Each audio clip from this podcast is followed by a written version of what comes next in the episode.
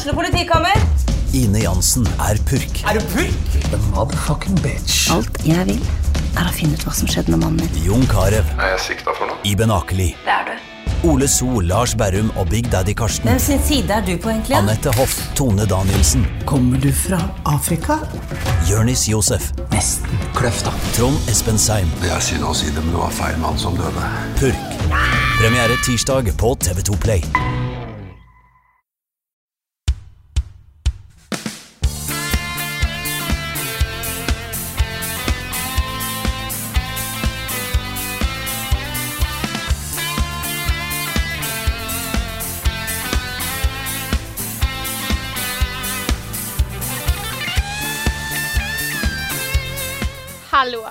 Og velkommen til en ny episode av podkasten Level Backup. Med meg Frida Danmo, og med meg har jeg som vanlig Rune Fjell Olsen og Karl Martin Hogsnes. Hallo, folkens. Hei! Og en haug med andre folk. Ja, vi har det!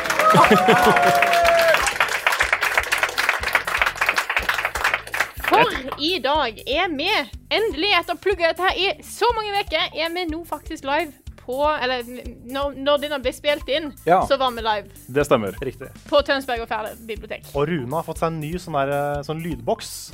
Så du hørte sånn applaus fra den nye boksen. Ja, ja kjempebra. Ja. Nei, det, er, det er jo veldig hyggelig. da. Det er ganske spesielt, tror jeg, for en norsk spillpodkast å kunne samle 5000 mennesker til live podkast. Ja. ja. Det er Det er- det er heldig, altså. Ja. Eh, det jeg syns var mest fascinerende, er jo at Tønsberg og Færder bibliotek har jo bygd en eget, egen fløy for oss nå, Nettopp. faktisk, for å kunne ha denne Mm. podkasten live. Ja, Det er jo Tønsbergs store sønn som har vendt eh, hjem igjen. ja det, det stemmer. Jeg er herfra. Og det, det tenker jeg på hver gang jeg kommer hit. Unnfag, unnfanget i det rommet her. Jeg ble født i dette rommet. Ja, nei, men det er gøy å være hjemme igjen. Mm. Og det er, jo, det er jo mye takket være Charlotte at vi kan eh, komme hit og ha, ha opplegg. Det er hyggelig. Charlotte og biblioteket, ikke minst. Ja, Det er en del biblioteker rundt omkring i Norge som har spillinteresserte bibliotekarer og folk som jobber på biblioteket. Det er veldig bra. altså. Det har blitt en veldig fin ting for de norske bibliotekene. Så nå får vi et nytt, stort, flott bibliotek i Oslo også. Uh, Deichmansken er på brygga. Mhm. Håper det sitter noen folk der med litt gaminginteresse. altså. Håper det. Ja. En annen ting, da. Det er mange som ikke vet. Men du kan jo faktisk leie spill på mange biblioteker. Ja da. Inkludert Tønsberg, ikke sant? Ja. Så det er en, en liten sånn life hack til folk. Mm. Hvis du ikke har råd til så mange spill, gå lei og lån spill på et bibliotek. Ja. Det er gratis så lenge du har lånekort. Og da, kan, da er jo gratis å få lånekort. Ikke sant? Så det er vinn-vinn. Veldig bra. Mm. Og så er det jo da, når denne episoden her publiseres, så er det jo den årlige kvinnedagen. Det er ikke uten grunn at jeg har valgt kvinneikonet, feministikonet Buffy, som T-skjorte i dag. Um, og det er jo Jeg hadde bare lyst til å si helt kort at um, det, det fins jo de i samfunnet i dag som mener at det ikke er noen grunn til å feire kvinnedagen lenger. Uh, men når man ser ting som skjer i samfunnet med abortloven vår, med behandling av kvinner på forumer, med 14 år gamle jenter som skriver inn til Aftenposten og sier det blir kalt det ene og det andre på skolen. Vi trenger fortsatt kvinnedagen. Uh, dette er en kampsak for, uh, for meg. Så jeg ville bare si det. Det er flott Agreed. at vi har kvinnedagen. Helt enig. Mm. Jeg kan ikke akkurat si noe imot der jeg sitter, men jeg er veldig enig. Så det er greit å få det litt sånn Vi er litt sånn politisk her i dag. Men det, Ja da, men det er kvinnedagen. I dag, liksom. Ja. I morgen for oss. I morgen for oss. Men når den kommer ut. Ja. Ja. De som hører på podkasten på fredag, Ja. får den episoden samtidig som kvinnedagen. Dette er Ja. alltid en case når vi Ja, hver gang. Til og med når vi er live, så er det en sånn forvirrende ting. På en skala fra 1 til 10, hvor lei er dere at vi hele tiden snakker om i går og i dag og sånt uh, i, i salen her? Hvem er det noen som Er det OK, ok, du må ikke spørre på en skala fra 1 til 10. Er folk lei av at vi ikke helt vet hvilken dag det er når vi snakker, spiller inn podkasten? Nei, nei, men supert. Okay. Never gets old. Da har vi et materiale resten av livet. Hva har du spilt? Spilt i det siste?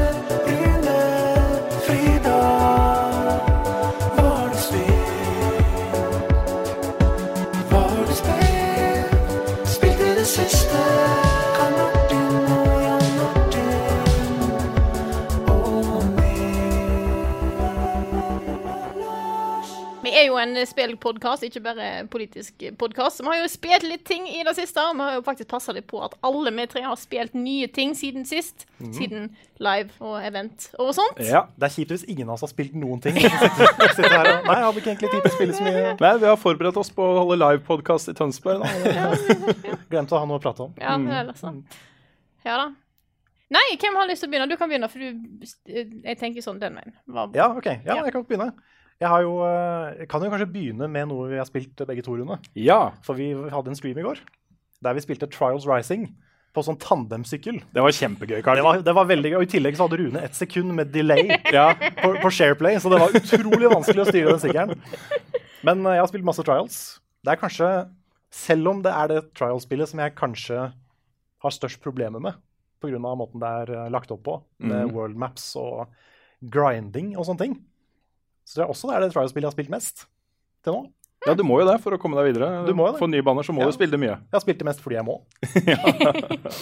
Men eh, det er jo fortsatt Trials, Ja. og det er fortsatt kjempegøy. Jeg har vært eh, litt forelska i sånn her eh, litt, litt sånn Skal man kalle det? uh, Bike-plattforming. Siden liksom Elastomania, som jeg spilte på ungdomsskolen. Og dette er jo en slags videreføring av det. Mm. Og det er jo kjempegøy. Altså, grunnmekanikken i Trials er jo fortsatt awesome, ikke sant? Så det jo Det slutter jo ikke å være gøy, selv om det er noen rare designvalg her. Ja. Og så eh, Redlings har jo prøvd å lage sånn Games as a Service-opplegg rundt Trials. Et spill som ikke egentlig har trengt det eller uh, hatt det før. Men nå tenker de at ok, nå skal vi også ha season pass da, og uh, lootboxer og hele den greia der, liksom. Og så har de ikke helt klart å naile hvordan et sant spill skal se ut. da. Når det skal være et sånn, en hobby, ikke sant? noe du skal spille over lang tid. Så en av de tingene som ikke er låst opp ennå, er jo f.eks. privat multiplayer. Hvor du kan lage din egen lobby med dine egne venner og sette opp turneringer og sånne ting. Og en sånn ting som det vil jo kunne få det spillet til å leve lenge. Ikke sant? Når det først kommer, eh, og du får muligheten til å sette opp greier og bare spille med folk du kjenner, det, det, det kommer jo til å ta av. Og så bare den der lille duellen du og jeg hadde i går, hvor eh, ja, vi havna til slutt på at eh, taperen måtte eh, spandere en cola, eller en brus. Ja. Eh, men der kunne du sette opp pizza, oppvasken Det var masse greier, liksom. Jeg sitter der. High stakes, High stakes. rett og slett. Så- Men det ble uavgjort, da. Det ble faktisk uavgjort. Så vi kjøpte hver vår brus, så det var litt sånn anti antiklimaks. Men hadde det ikke blitt uavgjort, så hadde det vært gøy. Ja, Det er derfor man aldri setter opp fire runder i noe, Carl. Når man er to. Nei, det stemmer. Vi hadde, vi hadde bare fire tracks. Ja. Så derfor måtte det bli fire, ellers så ble det en veldig kort duell. Og så var det ingen AI-racere heller. Nei, det var det heller ikke. Så det, det ble jo første- og andreplass. Og hvis vi fikk hver vår førsteplass, altså to førsteplasser hver og to andreplasser hver, så ble det jo like ja, greit. Ja, Det um, var ikke så gjennomtenkt. Nei. Men, uh, men Trials er fortsatt gøy. Jeg har fortsatt å spille, da. Da jeg anmeldte det, så var jeg på eh, level 80-ish. Nå er jeg noen av 90. Så jeg har liksom fortsatt å spille litt etterpå. Og det går jo veldig trått nå. Det å få all den XP-en jeg trenger for å komme videre, det, det tar litt lang tid. Men nå har jeg låst opp alle banene, så nå kan jeg egentlig uh, begynne å kose meg litt med sånn time trial og forbedring av tid og platinummedaljer og sånne ting. da. Så jeg må jo si at jeg koser meg mer nå enn jeg gjorde de forrige sju timene, liksom. Det har kommet litt over den kneika, som jeg gjorde et par ganger tidligere i spillet også. Uh, sånn lang kneik hvor jeg bare hata det, og så Å, da låste jeg opp, og da var det gøy igjen, ikke sant. Og så, ja. Eh, så jeg kommer nok til å fortsette å spille litt, men uh, jeg, står, jeg står for karakteren jeg ga det seks av ti. Jeg syns de ikke fikk til helt progresjonssystemet her. Og det, da må man si fra. Når de velger selv da, å lage Games as a Service og presenterer det til folk, så må du være forberedt på at de kan bli kritisert på sanne ting også. Så Det er også en sånn in game store her, som jeg sjekka ut i går. Hvor uh, du får jo masse random crap i lootboxer. Så der er det mye crap der. Der er det så utrolig mye crap. Du får en bokstav og sånn. Ja. Hæ? Det er sånn Du fikk A. Det er sånn, Hva skal jeg bruke A-en til? Jeg har ikke liksom skjønt. For det er ikke noe kostyme, det er bare en En bokstav. Ja, OK. Så jeg tror du kan bruke bokstaven på T-skjorter og sånn. Jeg tror Så du må den... unlocke alle bokstavene i Ja, så du kan jo skrive banneord og sånn etter hvert. Sikkert. Hvis du vil. Ja, Det var det første du kom på at du kunne gjøre. ja, for jeg har sett det. Ja, Jeg har sett folk har skrevet ganske mye forskjellig. Ja. Men um, Ananas. ananas på pizza under. Men uh, men, nei, men den, den in game-shoppen, den er jo så mye mer spennende Ja. enn det du får i spillet. Og det som er gøy, er at mye av det er laga av spillere. Og det er jo null tanke på copyright og sånne ting. Så du kan jo kjøre rundt på PlayStation 4 med liksom Mario-bukse og Master Chief-hjelm Ja og sånne ting. Jeg, går rundt nå, jeg kjører rundt som Sans fra Undertale. Og det er sånn Det er, ingen som, det er ikke noe kontroll i det hele tatt. Så du kan jo bare hva som helst kan du finne der. Hmm.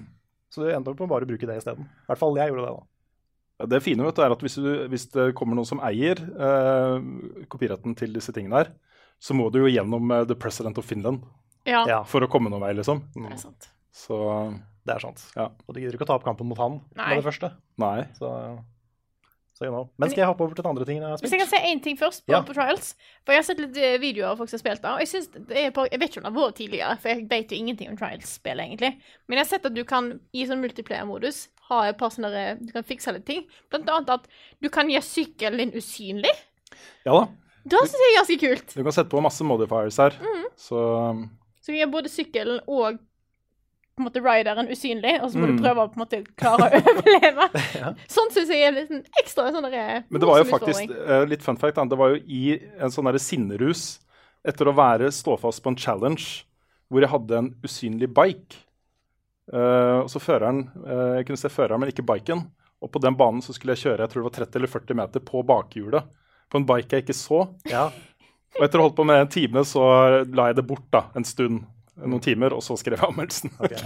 Jeg, jeg, gleder meg, jeg gleder meg til å se Games Done Quick sitt første usynlig tandem-race. Ja, Det blir bra. ja, det kan bli bra. Det kan bli gøy.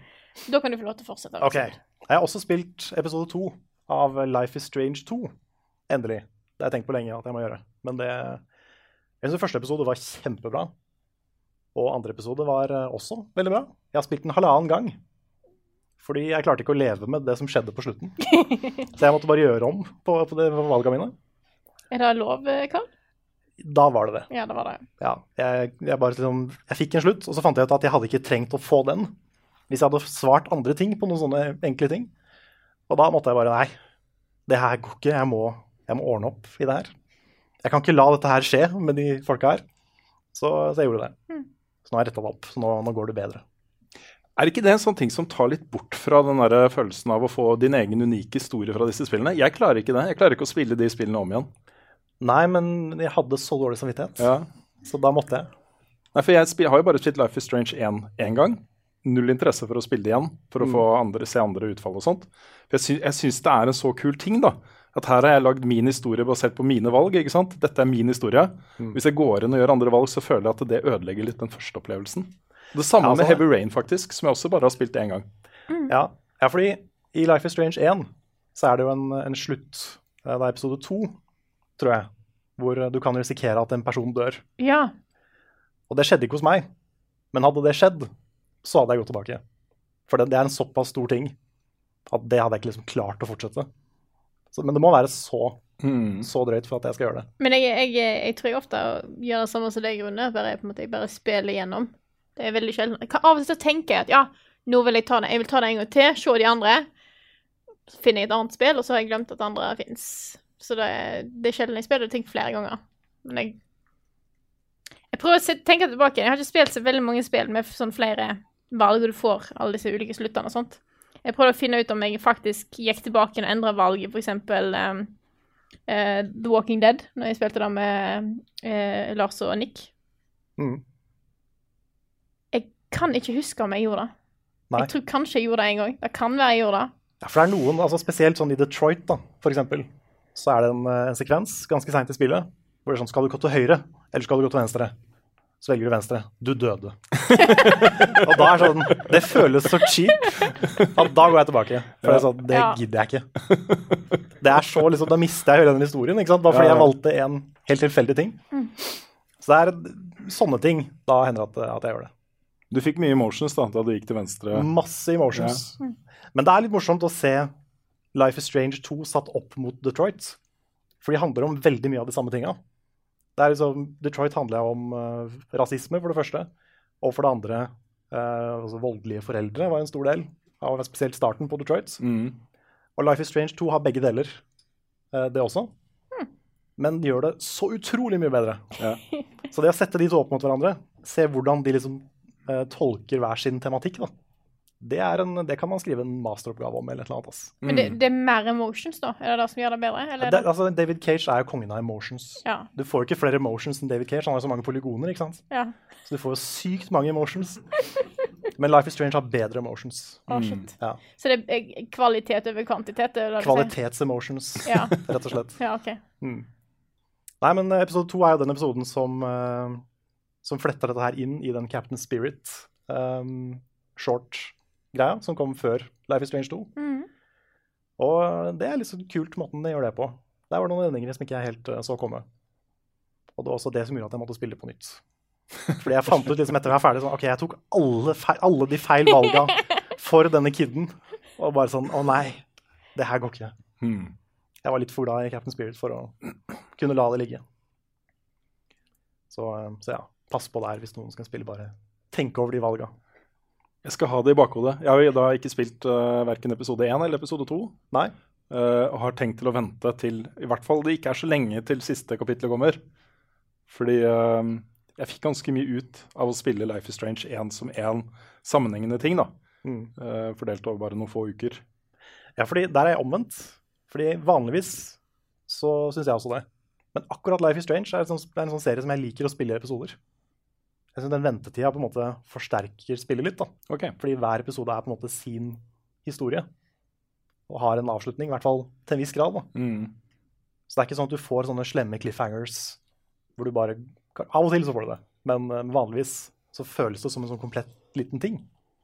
Og da, da går det. Jeg har brent meg på det en gang, vet du. Med Broken Age, som kom første halvdel. Ja, Dette eventyrspillet til, eh, til eh, Double Fine. stemmer. Kom første halvdel, kjempebra. Og så skulle jo andre halvdel komme bare noen måneder etterpå, eller et halvt år eller noe sånt. Jeg husker ikke hvor lang tid det tok. Halvannet, et eller annet. Altfor lang tid i hvert fall før, før det fortsatte. Og da var jeg, hadde jeg nesten glemt hva som skjedde i første halvdel, og var liksom ikke, ikke i nærheten av å være like engasjert. da. Så hvis den andre halvdelen hadde kommet med en gang, så hadde jeg bare fortsatt på den og hatt et mye bedre helhetsbilde av hele spillet.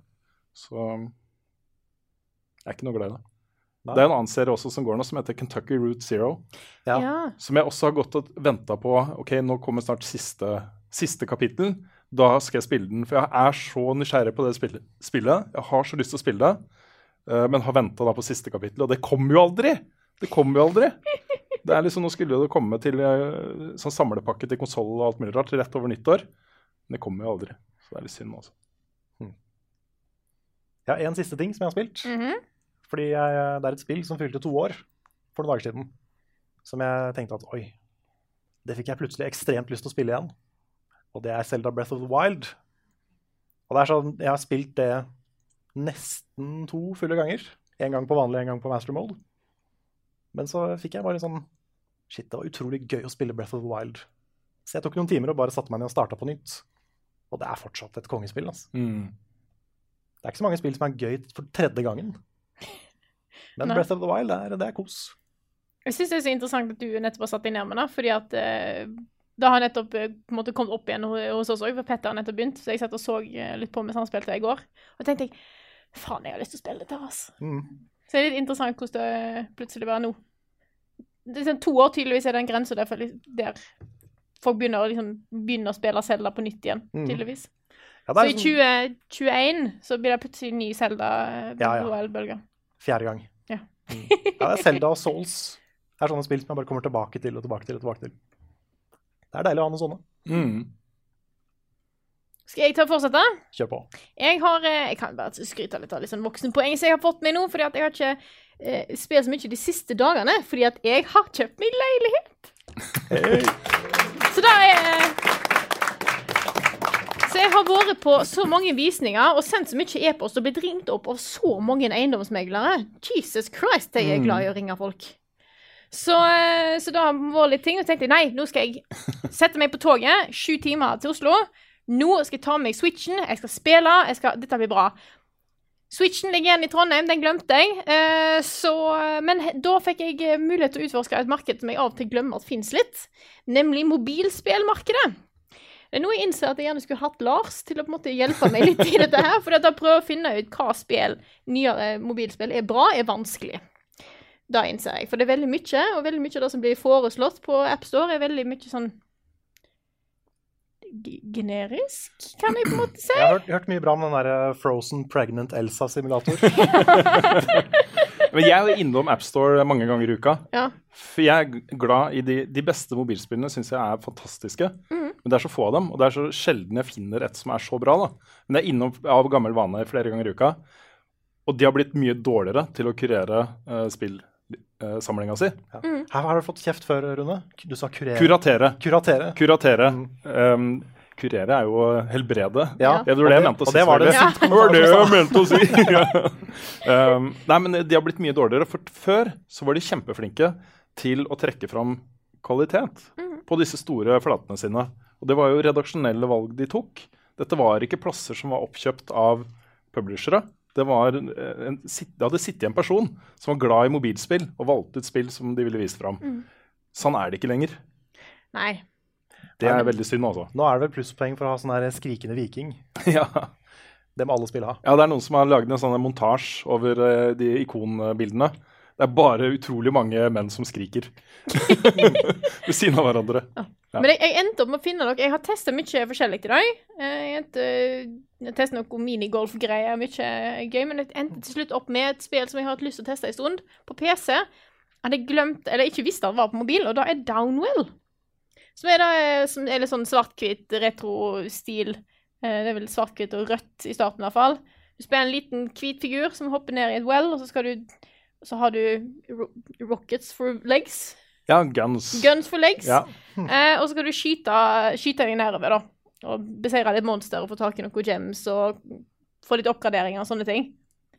Og da på mobil er seriøst det, det, det er perfekt. Fordi at du skal jo ned en well, så det er veldig sånn langt. Så du bare sitter med telefonen liksom rett opp og ned. Og så har du knapper nederst på skjermen som er store, og det er bare tre. Det er venstre, høyre og hopp og attack, som er samme knappen. Så jeg føler jeg sitter og spiller på en veldig rar Gameboy. Og så er det bare å trykke på en knapp, og så er det på en måte jeg, I en del mobilspill så føler jeg at det å faktisk styre er vanskelig, du- du trykker feil, men det er bare tre ganske store knapper. Jeg har ikke trykka feil én gang. Så det føles så rett på mobil. Jeg, jeg snakka litt om den podkasten før, men uh, Gamemakers Notebook fra den amerikanske industriorganisasjonen, bransjeorganisasjonen for spillutviklere, eh, hadde jo en, uh, en episode med Genova Chen i That Game Company. De har jo akkurat lansert i beta-versjon eh, Sky, sitt første mobilspill. Hvor de brukte ganske mye tid i den podkasten til å snakke om akkurat styringsmodellen. Fordi da de starta utviklingen av Sky, så var det sånn at hvis ikke du lager et kontrollsystem som er tilpassa touch, altså bare enkelt å trykke på skjermen hvor som helst, og så gjør det ting, liksom, så får du det ikke til. Men innen de var ferdig og klare med å komme ut med en beta-versjon av spillet, så sitter jo horder av folk som spiller Fortnite og PubG på mobilen, som vil ha de der simulerte spakene og knappene som ikke klarte å styre spillet. Fordi de var ikke vant til noe annet enn bare ikke sant, den simulerte kontrolleren. ikke sant? Kjemperart, det der, altså. Ja. For jeg også vil ha det du snakker om. Jeg vil bare ha sånne helt enkle kontrollsystemer for mobilspill. da. Og det funker så greit fordi at det tar veldig lite av plass på skjermen. Fordi at alt måtte skje vertikalt, så det er veldig måtte, lite intrusive. Det, det funker så bra. Så nå jeg, jeg har tenkt å spille mer. Det er vanskelig, så jeg har en liten utfordring der. Men jeg har jo sju timer til med tog i morgen, Du har det? så jeg kan bli jæklig god i Downwell i løpet av morgendagen, tenker jeg da. Ja. Mm, Jeg har sett Det spillet er jo noen år gammelt nå, jeg tror på. PC. Det er ikke så mange, da. Nei. Det Er tre, kanskje? Ja, to, to-tre. Noe sånt? Jeg tror ikke det er tre, altså. Nei, men jeg husker jo det, det fikk jo faktisk noen Game of the Year-priser det Mm. året. Så det um, skal være bra også på PC. Nei, så jeg, jeg endte jo faktisk opp med Jeg tror jeg begynte å le jeg, jeg hadde leita litt rundt og prøvd litt forskjellige spill. Til slutt tenkte jeg OK, jeg kan teste Rains Game of Thrones. Og plutselig sto det, var jeg inne på noe der sto liksom Publisher, Devolver Digital. Jeg bare sånn Å, jeg må jo inn der! Så på den lista så var det en del. Ja, nettopp. Da plutselig kom jeg vekk fra alt dette her eh, Farmville 2 og, og Jeg tror jeg fant en del sånn farming sim på mobil. Og mye, det er veldig mye interessant. Eller interessant, er feil ord. Um, Ræl. variert var det egentlig ordet jeg var ute etter. Mm. For å være litt sånn snill. Okay, okay. Mm. Så det er det jeg har uh, testa i dag. Ja. Mm. Nei, Vi skulle jo spille nye ting, og jeg har også spilt nye ting. Jeg har spilt Destiny 2 Season of the Drifter. Nei, men Seriøst, det kommer jo på tirsdag. Ja, ja. Eh, jeg skal ikke snakke så mye om det, men jeg har lyst til å nevne en ny mode som de har lagt til, som heter Gambit eh, Prime. Eh, og Gambit var jo noe de introduserte i høst med Forsaken, som er en blanding av PVE og PVP, hvor du går inn som et firemannsteam, eh, og så kan du innimellom da invade det andre laget og forkludre ting for dem. Og så sørge for at de kommer mye dårligere ut av det. Gambit Prime er jo det skrudd opp til 11, liksom. Hvor det er én runde istedenfor at det er inntil tre runder. Så er det én runde. Eh, masse minibosser som kommer. Du kan invade mye oftere. Eh, og de har i tillegg tatt det jeg tror er det første skrittet mot det de har snakka om, som er å introdusere flere og flere rollespillelementer i eh, Destiny i veien videre, nå som de har styringa på egen hånd. Noe som de visstnok betalte 1,2 milliarder et eller annet kroner eller noe sånt for. Så jeg på et Pressfire, tror jeg. Så ganske mye. Men uh, i Gambit Prime så kan du da, du er fire spillere, og du kan ta hver din rolle. Så du har en som er invader. Da kan du samle på et eget armor set som gir deg perks som er tilpassa det at du skal invade de andre og sånt. Du har en som samler motes, som du skal dunke inn i maskinen på midten. Uh, du har en som skal bare drepe masse ads. Uh, og så har du en som skal ja, Jeg husker ikke den siste farta. Men du kan i hvert fall samle hvert ditt armor set da, med hver sine perks. Og da kan du sitte og begynne å komponere lag og fordele roller og sånne ting. Jeg syns det er en utrolig interessant måte å tenke PVP slash PV slash coop på. da. At de eksperimenterer litt med det, for det er det jeg liker best med det spillet. Det er coop-biten. Det å samarbeide med andre og det å fordele roller og sånne ting.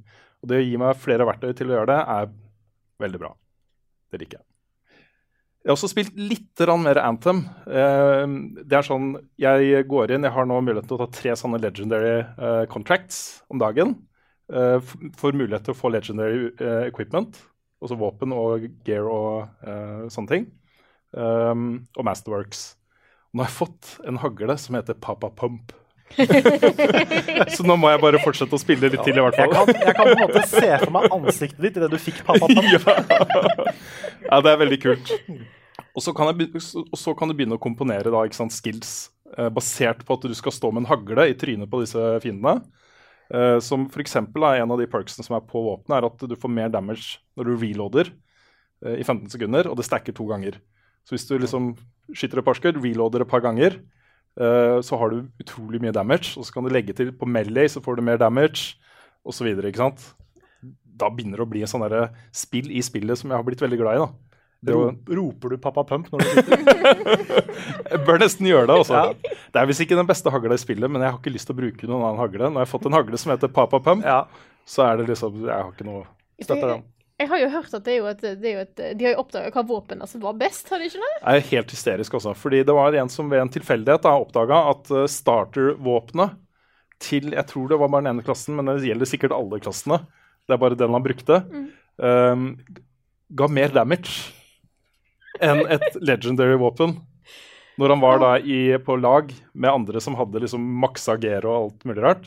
Han gjorde mer damage som level 1 med starter-våpenet. og det er jo, eh, det er jo eh, BioWare har gått ut og sagt at det er en feil, de skal fikse det. Men det er lagt inn da, for å, for å gi nye spillere muligheten til å spille med kompisene sine som har ligget en uke i forkant ikke sant? og samle alt det beste gearet. Men det skal jo ikke gi mer damage. For de fant jo ut samtidig at de tallene ikke sant? Det kommer jo tall hele tiden hvor mye damage de gjør. Det stemmer jo ikke i det hele tatt. stemmer jo ikke i det hele tatt, I hvert fall ikke på det våpenet. da. En som bare har satt opp en eh, random number generator. eh, Ja, sånn nesten orker sånn. ikke, orker orker ikke progge hvor mye damage du faktisk gjør. Jeg bare setter opp noe tall, jeg. Det, Det, går så fort, det er ingen, som merker det. Det går så fort allikevel. Det er ingen som registrerer. Nei. Um, den siste tingen jeg vil si om Anthem, er at uh, den har jo uh, PlayStation, Det er mange som har opple opplevd at PlayStation 4 krasjer fullstendig og går i svart uh, når de spiller Anthem.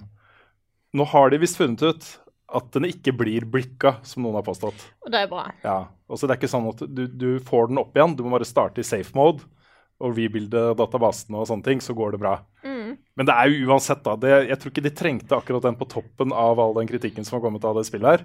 Hei. At du faktisk kan ødelegge maskinen din, eller i hvert fall skape så mye trøbbel, da. Mm. Så De kommer sjelden aleine, de der dårlige nyhetene der. ja. Det er sånn, sånn som den Alt hatet mot Fallout 76, og så kommer den der bagen Ja. på toppen av det. Ja, ja. Det, er, det er nesten komisk. ja. Det var ikke akkurat canvas bag. Nei, det var ikke det. Og så var den der whiskyflaska, eller hva det var. Ja, hva er det for noe igjen? Det var jo det, de skulle, det var noe sånn eh, brennevin som du kunne få kjøpt på sånn fancy flasker, og så viste jeg bare at det var noen plastflasker. Ja, OK. Det så ut som det skulle være noe kul Ja, den har jeg ikke fått med. Nei, jeg tror det var noe Det var, det var, det var en del seinere, sånn at på en måte det verste hatet hadde roa seg. ok. Mm. Men det De måtte få litt mer igjen. Ja. Ja.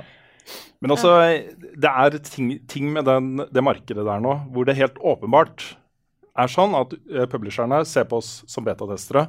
Også de første som spiller disse spillene, er betatestere. Det er en utvikling som jeg håper det blir slutt på, og at det blir gjort noe med det. Om ikke annet så kall det en early access, da, eller en beta. eh, og gi folk muligheten til å velge selv om de vil betale for det eller ikke. ikke sant? Eh, men det, det kan bare ikke fortsette. Folk blir så sure, ikke sant? Ja, Eh, og så i, ja, i verste fall så slutter jo BioWare å eksistere, og det vil jeg jo ikke. Nei. Um, men hvis de bare skal fortsette å gjøre sånn som dette, så kan de godt. Det er ikke så farlig. Da kan de godt slutte å eksistere. Ja. De, la, de lager Dragon Age nå, da. Ja, de gjør jo det. I hvert fall skal man tro den første teaser-traileren.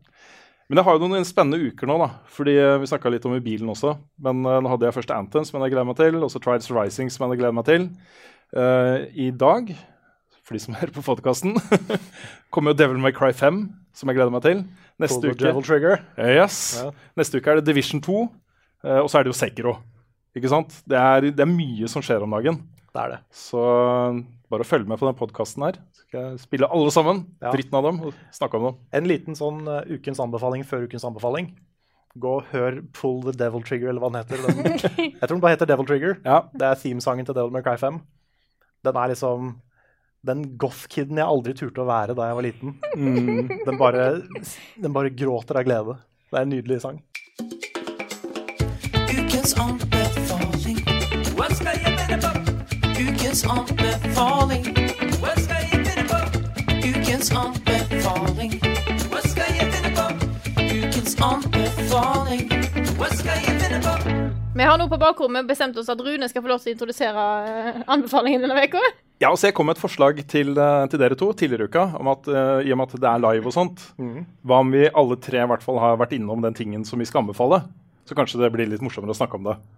Eh, for jeg har blitt anbefalt nå i et par uker fra mine kompiser å se en dokumentar på Netflix som heter Behind the Curve, som handler om Flat Earth-bevegelsen.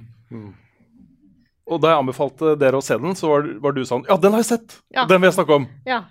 Og du hadde ikke sett den, men det kom en melding fra deg klokka to i natt. Ja. Bare what?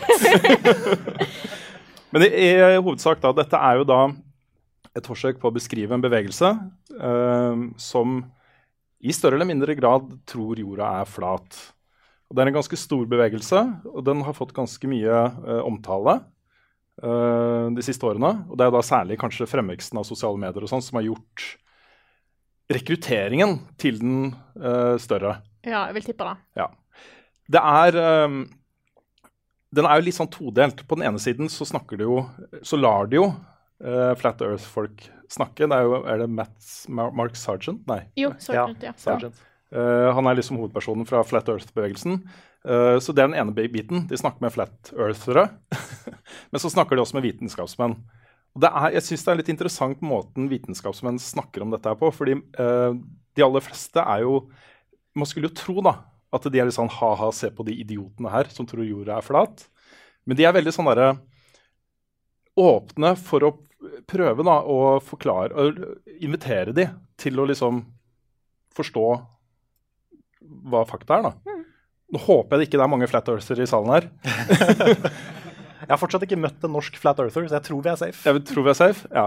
Um, det virker jo litt rart at folk tror på det, men, men det er liksom, dette kommer jo fra at folk ser ut av vinduet sitt. Men det ser jo ikke rundt ut. Det ser jo flott ut. Er, det, er, det er jo fakta. Det ser jo ikke rundt ut. Nei. Det er riktig. Men det er særlig det er to ting i den dokumentaren som jeg elsker.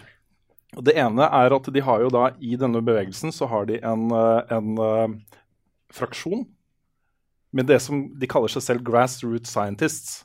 Dette er åpenbart folk som har studert vitenskap og sånt på skolen, kanskje, eller i hvert fall lest mange bøker om vitenskap. Og deres misjon i livet er å bevise at jorda er flat. Så det de gjør, de tar utgangspunkt i um, forskjellige hva skal man si, Dersom jorda var rund, så ville den og den målinga vise sånn og sånn. Så gikk det innkjøpt av en, et gyroskop til 20 000 dollar Og så sa de da, liksom før de testa ut den Hvis jorda er rund, så kommer den her til å vise en helning på 14 grader eller noe sånt. Jeg husker ikke hva det var. Og det gjorde den. Ja, det gjorde den. Så det var litt setback. Og det andre eksperimentet som er helt Nå avslører jeg slutten på ja, Det er greit, er det ikke Kan, det? kan du spoile en dokumentar? Nei, jeg vet ikke om du kan spoile det. Nei. Jeg bør, bør se seg likevel, altså. Jeg burde det. Men hvor de da ser ok, hvis jorda er rund og har den diameteren den har, så har den en krumning som er så og så stor. Så hvis vi setter opp en påle her, og det er liksom på havnivå, og en påle der borte, og så en i midten, så, og sender et laser, en laserstråle gjennom alle de tre, så vil den da komme lavere på den i midten, og like høyt på de to ute på endene. Dersom jorda er rund. Dersom jorda er rund. Hvis den er flat, så vil den være like høyt på alle. sant? Fordi flat Det er Ja. veldig bra for de som hører på lyd. Ja, Yes. ve veldig kreativt eksperiment. Ja. Ikke sant? Det, er- det er kjempebra forskning. Det er utrolig bra forskning. Og de har regna på da, hva det bør være hvis jorda er rund. Uh, så de har gjort ordentlige greier, da. Ja. Og eksperimentet viste jo at jorda er rund. Ja. Ja. Det er av hele dokumentaren avslutter For det, det er dritbra. Du har en fyr som står på ei side. Um, jeg, skal, jeg skal ta og snakke litt mer fra vitenskapssida av meg etterpå. Um, nå er det en som står på ene enden, som ser gjennom et hull, og så bort liksom til midten. Uh, og så er det en som står bak dette siste hullet, da. Skal holde uh, et lys oppe. I den høgden som det skal være dersom jorda er flat, så skal du kunne se den, for da går den rett gjennom. Og så ser han inn han som står og skal se på dette, han står bare sånn Ja, det var noe veldig mørkt her. Kan du ta og eh, prøve å liksom løfte opp lampa til da høgden det er hvis jorda er rund, da. Så løfter han opp, og så ser det dukke opp et lys. Han bare hm, Interesting. og så slutter dokumentaren der. Ja.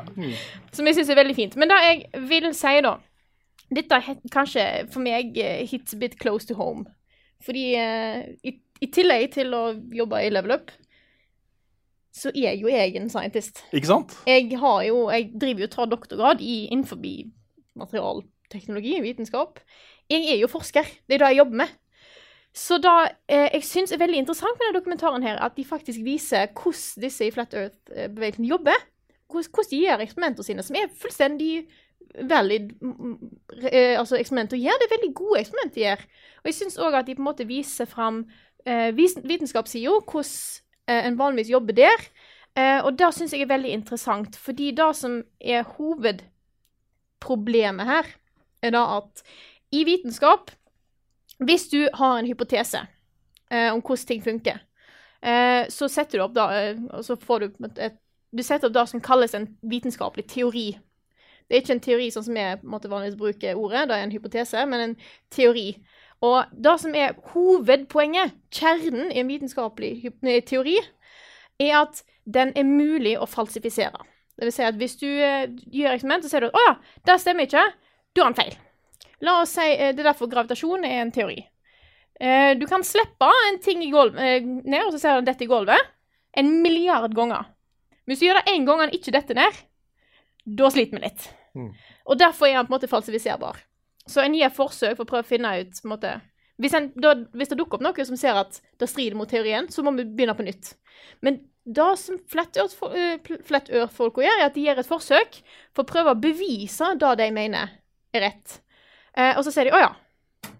Nei, vi klarte ikke å bevise det vi ville denne gangen, så da prøver vi på en annen måte å bevise det. Sånn at måte, teorien deres er allerede falsifisert, men de forkaster det som usant. Og det er der det kommer en sånn krasj.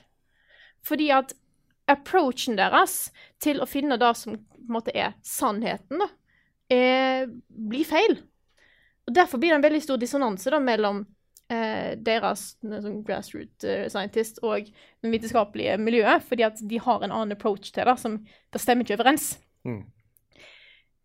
Og jeg må, jeg må helt ærlig si at de, da, da, da de mener at vitenskapsfolk For da kommenterer de at det er ingen eh, vitenskapsfolk eller lærere eller sånne ting som er enige, eh, som har gått med på eller sier offentlig at de eh, er enig i Flat Earth-teorien. Jeg skal ikke snakke lenge om dette. Det er bare sånn, Jeg har veldig mye på, eh, på eh, å få sagt om dette her. Eh, de sier at det er ingen som har gått ut fordi at vitenskapsfolk da risikerer jobben sin. Mm. Hvis de går imot en sånn fastsatt teori, så mister de jobben. Men det er jo stikk motsatt av det hele vitenskapen er basert på. Eh, vitenskapsfolk er nysgjerrige. Hvis det da dukker opp noe som en er uenig med, hvis en har gode bevis, så måte, da må en begynne å stokke om på teoriene sine. Og sånn er det jo bare. Det har vært hele veien. En periode så trodde alle vitenskapsfolk at ja, jorda er i sentrum av universet. Vi har en høy drøss med likninger som stemmer, og alt går opp. Vi klarer å bestemme når det skal være solformørkelse ut fra likningene som sier at jorda er i sentrum. Så innså de etter hvert at det funka litt dårlig. Eh, jorda er ikke i sentrum. Det er Sola er i sentrum av vårt, i hvert fall lille solsystem. Så innså de å ja, OK. Da må vi tenke på en annen måte. Det var jo ingen som trodde på Big Bang eh, i dag Stephen Hawking kom og sa at 'jeg tror kanskje Big Bang er en ting'. Han fikk mye måte, motstand der og da, la fram masse bevis, og vitenskapsmiljøet tenkte 'å ja, shit, det er sånn det funker'. Så da å si at vitenskapsfolk ikke tør å komme fram og si imot en fastsatt, vedtatt teori fordi de er redde for å miste jobben, strider med alt som er i liksom grunnkjernen vår. Men, men er det ikke litt sant også, hvis en, en uh, vitenskapsmann i et seriøst vitenskapsgreie Mhm. hadde gått ut og sagt jeg tror jorda er flat, jeg tror du ikke den personen hadde fått sparken? Da spørs helt hva bevis Hvis du klarer å legge fram Ja, men da må du bevise det. Ja, men det det finnes jo beviser, ikke sant? Gjør det, da. Nei, jeg vet ikke. jeg Gjør det det? Nå er det På at jorda er flat? Hvis du klarer å finne enten bevis for at jorda er flat, eller motbevis for at jorda Ja. er rund, spesielt den, motbevis for at jorda er rund på en Mm. god måte, eh, der alle ting ved eksperimentet funker, så må faktisk folk begynne å se litt på ting. Og det er da jeg føler Bare tenk alt, det, alt, alt som må gjøres for å liksom lure folk. For, Ja. Ja, det er akkurat da. Ja, fordi den delen av den dokumentaren her som, altså, Det å tro jorda er flat, er ikke sånn Helt isolert sett så er ikke det farlig i seg sjøl. Det er bare en sånn skrullete ting å tro. Men det øyeblikket du begynner å se på alle de menneskene de skylder på, alle de menneskene som ljuger, som Mm. insisterer på at dette er fiender, det er da det blir litt farlig. Ja. For da skaper de et fiendebilde, og da kan de, ska, da kan de altså, hause opp andre mennesker til å gå imot folk, ikke sant? Mm. Og da kommer liksom når de, Det er en del i dokumentaren hvor de begynner å prate om Nei, det er eh, media, og det er de homofile, og det er liksom det er et eller annet all, Alle har skylda. Mm. Og da er det farlig. Ja, for det går jo en 24 timer livestream fra den internasjonale romstasjonen som går i bane rundt jorden, eksempel. Ja, men det er jo fake. Det er Ja, men altså som har, tenk eh, alt de må gjøre for å fake den feeden. akkurat da. Og det er litt også den at det er noen eh, Jeg vet ikke om de tar det opp i den dokumentaren her, men jeg har hørt i andre sammenhenger. at De mener at alle vitenskapsfolk blir jo betalt, da. Ja. Mm. Jeg har ikke sett noe til de pengene ennå, så hvis det er noen som vet hvem vi kan komme i kontakt med for å få de pengene, Ja, ja, ja. så er det bare til å hit me up der. Mm. Um, Jeg tror du, det, det er bare noe du sier, Frida, for du har en sånn PR-person Ikke sant? som, eh, som betaler deg for å holde kjeft. Men altså, du har jo et poeng, Carl, fordi um, også En av de grunnene til at jeg tror det er viktig å snakke om dette, her, er jo at du ser jo Den motstanden mot vitenskap er jo livsfarlig for oss alle sammen. Mm. Ja, Og motstanden til altså, presset til nyheter. Ikke sant? Den derre fake news-bølgen. Det er Mhm. samme greiene. Det er Ta uh, vaksinemotstanden. Vaksiner ungene deres. Ikke sant? Vaksiner ungene deres. Mine barn kan dø fordi noen andre velger å ikke vaksinere barna sine. Ikke sant? Det er ganske, det er ganske skummelt altså, å tenke på. Ja. Um, klima, f.eks. 96% av alle vitenskapsmenn er kategoriske på at klimaendringene er menneskeskapte. Mm. Vi må tro på dem. Vi må, vi må tro at det fins folk som klarer å forske på dette her og finne svar som menneskeheten trenger for å overleve. Ikke sant? Ja, og så, så finnes det jo noen ganske skumle eksempler, sånn som han fyren som, uh, som skøyt i stykker en pizzarestaurant fordi han trodde Hillary Clinton spiste barn. Det er sånn Dette er ting som skjer fordi folk, altså, folk er litt um, lett manipulerbare. Da, hvis folk Mm. er litt i en, i en svak, uh, vanskelig situasjon og finner en community som de føler de hører hjemme i, da kan du få dem til å tro på ganske mye. Altså. Vær kritisk. Vær kritisk til informasjonen. Vi gir også, for så vidt, men uh, Ja, ja. Som, som du får. Mm. Vær kritisk. Uh, ikke eh, stol på alt man hører. Og hvis det høres skikkelig crazy ut, så er det sannsynligvis det, altså. Ja. Hvis det er én person som er veldig veldig, veldig bevisst på én ting, og så er det 1000 mennesker som sier imot, så er det ikke sikkert den ene personen har rett. Nei, ikke sant? Det er noe med det. Velkommen til Level Backup, en spillpodkast om Jo, men for, for å ta det inn på Ja, spill, ja, ja. da. For Notch uh, sier jo at han tror på QAnon. Ja, det er krise. Det- Ikke sant? Men Det er jo spillet. Han er jo laget ja, er ja, Minecraft. ja, ja, ja, ja, mm, Mm. ja. Så der fikk du spill inn i, inn i diskusjonen. Det er litt interessant, fordi at for meg så er dette, dette er vitenskap en veldig stor bit av meg, selvfølgelig. Jeg har brukt veldig mye tid av livet mitt på dette her. Uh, Så det, det jeg, har, jeg har mye jeg har lyst til å si, men jeg tror ikke vi trenger å ha dette her altfor langt. Nei, det kan bli en egen podkast. Ja. Men jeg vil i hvert fall invitere alle sammen til å besøke min eh, webside fjellolsentruth.org, der hvor eh, jeg presenterer bevis på at Rune er en sånn eh, reptilalv. Og du tror kanskje ikke på det, men bare vent, jeg har ganske mye bra bevis. på- Så besøk den sida. Det var egentlig en veldig bra avslutning. Er det mulig at i den ferdige podkasten at jeg klipper der? Okay. Men det er bare én liten ting til jeg har lyst- til å si om, om uh, eh, Behind the Curve. Og det er jo eh, Det er jo en Mark Sargent som er hovedpersonen her. Det er den, det forholdet mellom han og hun Patricia Stair. Hvor det er jo åpenbart at han er hodet over stups forelska i Patricia Stair. Men han sier jo ikke det rett ut. Nei. Men måten de som har lagd den filmen på, skildrer det forholdet mellom de to. Ja. Og hvordan de liksom zoomer inn på de dådige øynene hans når hun snakker og sånt. Det er veldig gøy, altså. Det er veldig morsomt. Og så nære hun er til å få en åpenbaring om seg sjøl. Ja. Fordi det kommer jo masse konspirasjonsteorier om dem igjen. Altså Flat Earthere har konspirasjonsteorier om hverandre. Og så blir hun et offer for de, og tenker at kanskje jeg også gjør dette her. Nei. Jeg gjør ikke det, vet du. Det var så, så close Det var så close til å lære noe, men det skjedde ikke. Ja. Jeg vil bare si at jeg vanligvis er veldig sånn eh, forsiktig med å uttale meg bastant om ting hvis jeg ikke har full kontroll på det. Akkurat dette her er jeg veldig sikker på. Det er ikke så kontroversielt, altså. Nei. Å si at jorda er rund. Det tror jeg ikke. Dere kan teste dere selv. Dere kan gå ut, og så kan dere bare gå vest. og bare fortsette å gå. Bare ha med masse niste. Ha med masse niste. Ta dere har med dere sånn oppblåsbar gummibåt fra en eller annen ja. sportsbutikk nede i gata her, og så har vi det. Ja. På et eller annet tidspunkt så er dere her igjen. Ikke sant? Ja. Da, da tror jeg vi er ferdig med podkasten, men uh, Ja, Skal men dette var Level Up sin første Flat Earth-podkast. Ja. Ja. Episode 1 av 200. du har planlagt resten av skal vi, skal vi gå videre? Vi kan gå videre. Nå er det nyheter? er det Ja.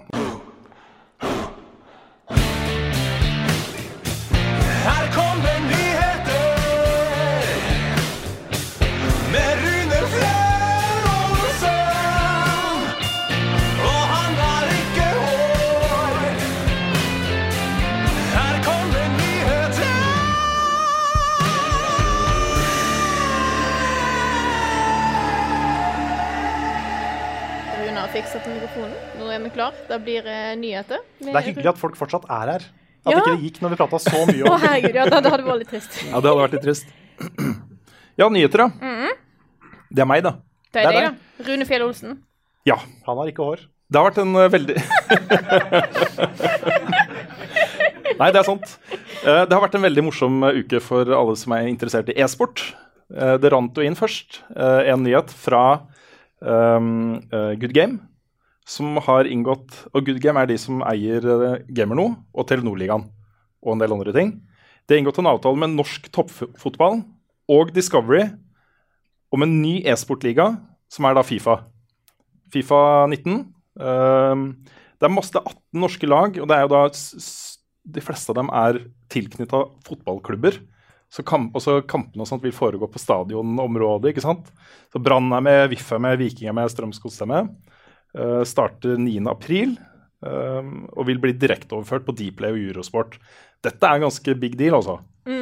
Det er kult å se at det kommer inn uh, en skikkelig satsing her. Penger uh, osv.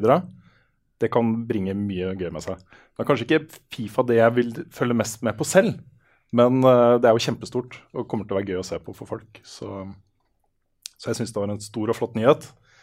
Uh, samtidig så er det også kjent at uh, Good Game igjen har inngått en avtale med Norsk Tipping om betting på e-sport via det norske tippesystemet. Det også er jo dritbra. Og så her har du grasrotmidler som kan gå tilbake til e-sportmiljøene i Norge, og masse greier som er kjempeinteressant. Så.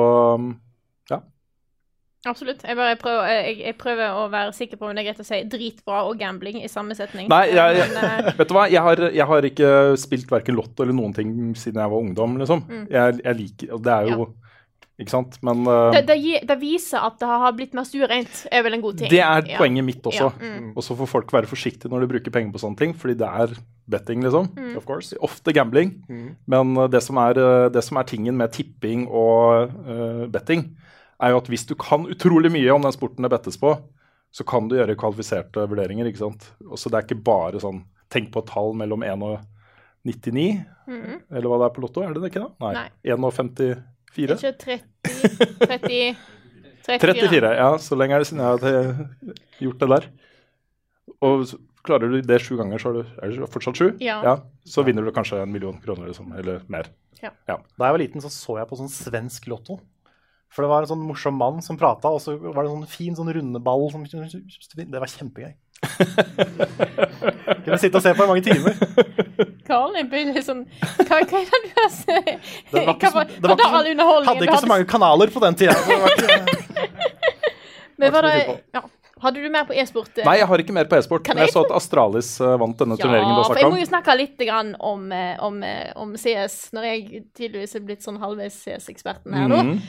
Fordi det var jo en eh, var jo en storturnering i, eh, i eh, Som foregikk forrige uke og litt før òg, men det var en- major, da. En av de største turneringene. Den var gøy, den! Å, herregud, der skjedde det mye gøy. Vi hadde blant annet eh, to lag som bare på en måte nesten kom ut av ingenting. Ikke helt ingenting, da, men å bare kjempe seg oppover her og komme til liksom playoffene og alt.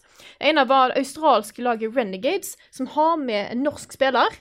Som er kjempekult. De kom ikke, kjempe, de kom ikke veldig langt, men de kom liksom til topp åtte. Det er helt sinnssykt. Mm. Som alle de andre gode lagene. Der var det jo Face, som har norske Rain og sånt. Jeg, nå går jeg veldig sånn Jeg eh, prøver å huske alt som Petter har putta inn i hjernen min på dette her, for jeg husker jeg er ikke så god på det, men jeg prøver å få, få det fram. Men det som var veldig spennende, var i, eh, på lørdag blant annet, var det veldig, veldig, veldig mange kule semifinaler. Eh, veldig mange. Det, høres ut som, det, var er bare to. mange, det. Det, er bare, det var bare to, men de var veldig spennende. I hvert fall, uh, hvert fall uh, den ene. Fordi det var det andre litt ukjente laget var ENS, som er et finsk, helfinsk lag. Som òg ikke har gjort så veldig mye kule ting. Og plutselig bare sånn Hei, vi er i finalen! Som bare knuser alle disse store lagene. Og det var den semifinalen de spilte Nå klarer jeg ikke å huske for love of God, hvem de spilte mot på lørdagen. Men den semifinalen, den, den var intens og dritkul. Og da de klarte å faktisk komme videre, var bare helt insane. De skulle jo spille mot Astralis. Og hele internett elsker jo å heie på en underdog, så det var jo veldig mye easy for ends som gikk rundt på alle, alle internettplattformer som en liten meme. Men Astralis er jo verdens beste lag. Ja da. Og de er jo så jæklig gode i tillegg. Men det var litt festlig at du hadde da en eh, sånn eh, eh, nordisk eh, kamp i toppen der, med danske laget Astralis mot det Mm. finske laget ENS. Ja, det er veldig kult. Eh, og da, da ble jo eh, Det var jo en eh, totalt tre, matches de kunne ha, men det ble jo bare to, for Ja. Astralis er jo de, Altså, det, det, det er noen som sa at det, det var litt synd at måte, kampen gikk litt fort, fordi at det ble jo bare 2-0, og eh, Astralis var jo litt sånn overlegne. Men altså, hallo, Astralis er jo bare så jæklig gode. Det er fascinerende å se på. Mm. De, bare, de bare slår til med alt, altså. Får litt sånn assosiasjoner til første gang jeg var med på turnering på The Gathering. Det har jeg snakka om før, da. Men vi spilte jo litt Quake og sånt og syntes det var gøy, da. Mm. Kommer opp der, Vi melder oss på den turneringa her. Kommer opp på scenen, og så spør de hvem vi skal spille mot, og så sier navnet på en klan som vi skal spille mot. Vi vet om hvem vi skal spille mot. Jeg husker ikke hva det heter i farta. Uh, men vi visste ikke hvem de var. Og alle på scenen i crew bare begynte å le, da. Og det var da Norges aller beste Quake-klan på den tida. Uh, og vi var, jo, vi var jo så sjanseløse. Jeg vet ikke om noen husker at jeg spilte duell i Quake mot uh, Carl Thomas i gode, også gamle level up, sesong to. Og endte opp å vinne sånn 19 minus 1 eller noe sånt. Det var, der, det var sånn det var. Å spille på scenen i Vikingskipet. Litt sånn som den gangen jeg tok det ene livet fra en I chili ja, ikke sant? i Smash. Nei, det, jeg, jeg, vil, jeg vil nok en gang si se på CS-turneringene, de store. Det er kjempegøy. Lett å sette seg inn i. Eh, og de har masse gode castere, så det er lett å følge med, og det, det blir mye hype, altså. Mm. Hopper videre til neste nyhet. Ja. Mm, ja da. Eh, Nintendo har uh, annonsert at de kommer med en VR-oppdatering til Labo nå i uh, april. Og det første som slo meg, er på PlayStation VR så har de 12-årsgrense. På Vive og Oculus så har de 13-årsgrense. Og Med klare advarsler om at barn ikke bør teste disse her. Sånn som jeg har forstått det, så har det noe med, om, har det noe med avstanden fra pupillene til skjermen å gjøre, eller noe sånt. Okay. Jeg er ikke helt sikker, men jeg er usikker på om Nintendo her har tilpassa et VR-headset til barneøyne. For jeg blir kjempestressa på å la ungene mine få teste VR. Tenk om jeg ødelegger øynene deres for alltid, tenker jeg. Ikke sant? Um, ja, jeg det vet er en ikke. case. Det er absolutt en case. Ja. Så det her må jeg finne ut mer om, Ja. uh, føler jeg. Men er det nye spill også? Ja, det er er nye bare- spill også. Okay. Og de nye spillene må du ikke spille i VR. Um, men, uh, men det som Det som jeg syns var litt gøy, var at på liksom promomateriellet til Nintendo, da, så var det bare folk i 20-åra som hadde på det VR-et. De eh, Det virka nesten bevisst da, at ikke de har latt barn ha det. Men dette er jo en barneting. Labo, selv om det er gøy for voksne og alle aldre, selvfølgelig, så er det spesielt gøy for barn. da. Og deres første møte med VR og sånne ting. Så det har jeg mm, tenkt å sjekke opp. Er det noen i salen som vet noe om Nintendo har tenkt seg godt om her? Jeg elsker at vi nå har istedenfor bare at jeg kan google ting, så kan vi bare spørre salen. ja. Det gjør jobben min så utrolig mye lettere. Nei. Jeg er, stress, jeg er stressa på det. Ja, men det skjønner jeg jo. Det Mm. er jo faktisk en viktig ting å, å ta tak i. Angående litt lignende greier, så så jeg at det var en dokumentar som var på NRK om, om unger og skjermbruk, og på en måte at uh, unger som ser for mye på, på en måte iPad og mobil og sånt, faktisk kan få det, det, det er skadelig. sånn, Så det er stress! Ja, det er sånne ting blir jeg stressa av. Ja. Men hvis ikke, hva, hvis ikke de bruker iPadene, så må, så må vi leke med dem, da. hva, hva foreslår du vi skal gjøre isteden? Nei, jeg vet ikke. Men det er, altså sånn, sett bort fra at det kanskje er farlig for øyne og øyne og sånn, så er det litt gøy å se for meg Sam i sånn full robotpappdrakt gå rundt med et VR-headset Ja og liksom bare brøle i leiligheten din. Ja da, det, det, jeg har lyst til å teste det Ja. i to minutter om gangen. Mhm. For sikkerhets skyld. ja. Det skal være en eh, Inside Xbox eh, neste uke. Og Inside Xbox er jo eh, Microsofts versjon av Nintendo Direct. Også en digital pressekonferanse hvor temaet bl.a. vil være Halo. Og sjefsryktet er Master Chief Collection til PC. Og det er, I det store bildet så er ikke det en kjempestor nyhet, men for meg personlig er det råkult. er lov, det? Ja, ja, Ikke ja. sant? Det er nyheter med Rune Fjell Olsen. ja, det er sant. Ja. Det er. Av Rune Fjell Olsen for Rune Fjell Olsen, da. Ja. Mm. Bare deg. Det er en veldig spesifikk målgruppe, men Ja. Treffer veldig bra, da. treffer kjempebra. Ja. Ikke sant? Um, et spill som vi har fulgt litt med på, det er et spill som lages av utviklerne av Yakuza-serien, Ja. som heter Judgment. Judgment. Har fått lanseringsdato i Europa. Det er uh, PlayStation 4 den 25. juni. Tre dager tidligere hvis du preorder. tre dager! Gidder folk å preordre for tre dager? Altså, de gjør jo det. Ja, de gjør det. Jeg gir det for én dag. Ja. Ja. Nei, uansett, da. Dette er et detektivspill med på en måte Yakuza-utgangspunkt. Så du Ja. spiller da sjefen for et lite detektivbyrå i en bydel i Tokyo. Er han ikke advokat også, eller eksadvokat? Kanskje han samarbeider med noen? Kanskje det han er eksadvokat og har blitt detektiv? Privatetterforsker? Noe sånt. Ja. For det, er- jeg tror det er sånn, det er sånn Yakuza møter Phoenix Wright, på en måte. Ja. Har jeg fått inntrykk av. ja, men det er litt sånn. Mm. Du skal, du skal etterforske crime scenes og følge etter folk og passe på at de ikke oppdager deg. Det er litt sånn quicktime-baserte kampsystemer. Så det er slåssing og sånne ting. Og ligner egentlig ganske mye på Yakuza-spillene i, eh, i mekanikker. Uh, men det har kommet også en helt fersk sånn, trailer som beskriver gameplayet i spillet. Og det var første gangen jeg tenkte dette, dette skal jeg spille, altså. Det så Ja. kjempekult ut. Same.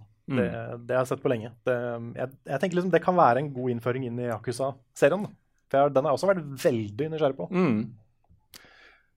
Og så en, en sak til slutt. Vi snakker om ting som er splittende og sånt, men det har jo endelig kommet en eh, nyhet som er veldig samlende, hvor alle som er tilhengere av dette her, forenes i et jubelbrøl på at de virkelig har fått til Sonic på stor skjerm. Oh. Ja, Jeg lurte veldig på hva det var du skulle snakke om nå. jeg, jeg skjønte det med en gang. Jeg gjorde. Altså, det sånn. Det, altså, jeg syns jo den, eh, det som har leda opp til revealen av hvordan Sonic faktisk ser ut i denne filmen, her, er fantastisk. Mm. Fordi Først så ser du noen tær, og så ser du liksom litt silhuett. Ja, nei, du, ser, du ser Du hadde beina, de veldig muskuløse beina Ja, ja, ja. så. Som du viser liksom glimt, glimt, og så ser du hele, og så er det bare sånn OK. Det, du Ja. tenkte kanskje OK. Jeg tenkte Oh boy, er det virkelig her vi skal gå nå? Fordi det, altså, jeg, Hoi. Eh, er feil. Mm. Hendene er feil. Mangler hansker. Hva er de beina? Ja, de beina er jo veldig rekle. Ja. For det, er- de er veldig menneskelige bein med muskler. Ja. Og istedenfor hvite hansker, så har han bare hvite hender. Og så istedenfor og fordi at det, Han har to enkeltøyne nå, ikke den sammenhengende greiene som han har før. Og da er på en måte Ja, det er litt rart, da òg. Men nå har de bare farga pelsen hans rett over liksom mellom øynene. Har de farga hvit for å Ja, liksom han bare sånn fikse det. hvit sånn unibrow. Ja, for å liksom prøve å liksom gi godt for at de har delt øynene hans i to. Det, det, det er veldig rar eh, anatomi for han fra før av.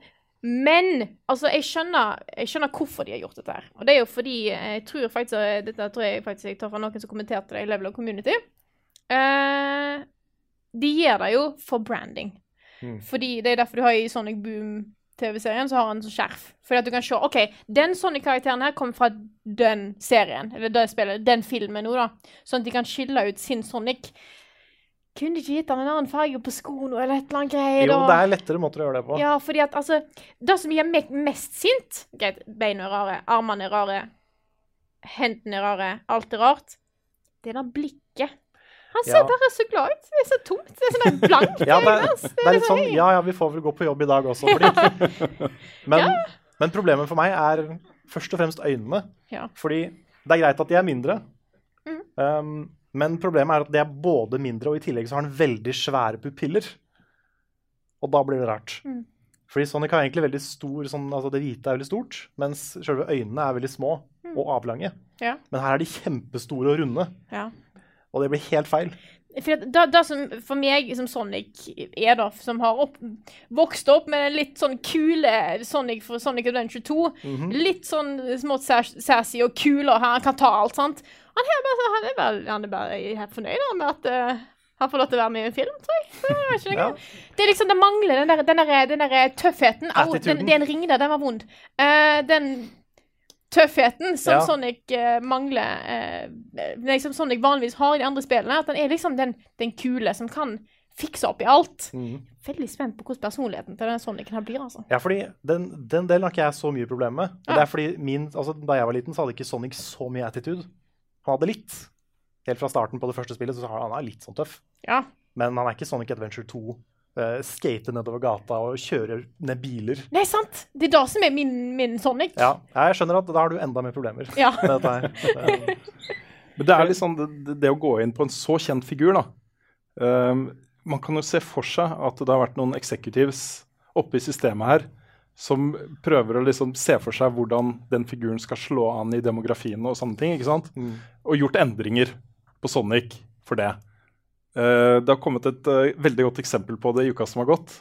Hvor det var en executive uh, mens de drev og gjorde ferdig filmen Back to the Future, som ikke helt likte det navnet. da, Som foreslo helt konkret 'Spaceman from Pluto' som ny tittel på den filmen.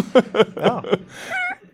Hvor de skal bare legge inn noen setninger her og der som antyda at han uh, Doc. Doc var fra Pluto. ja, OK. Ja. Ha. Jeg har også hørt et veldig bra eksempel um, fra en film som aldri ble noe av.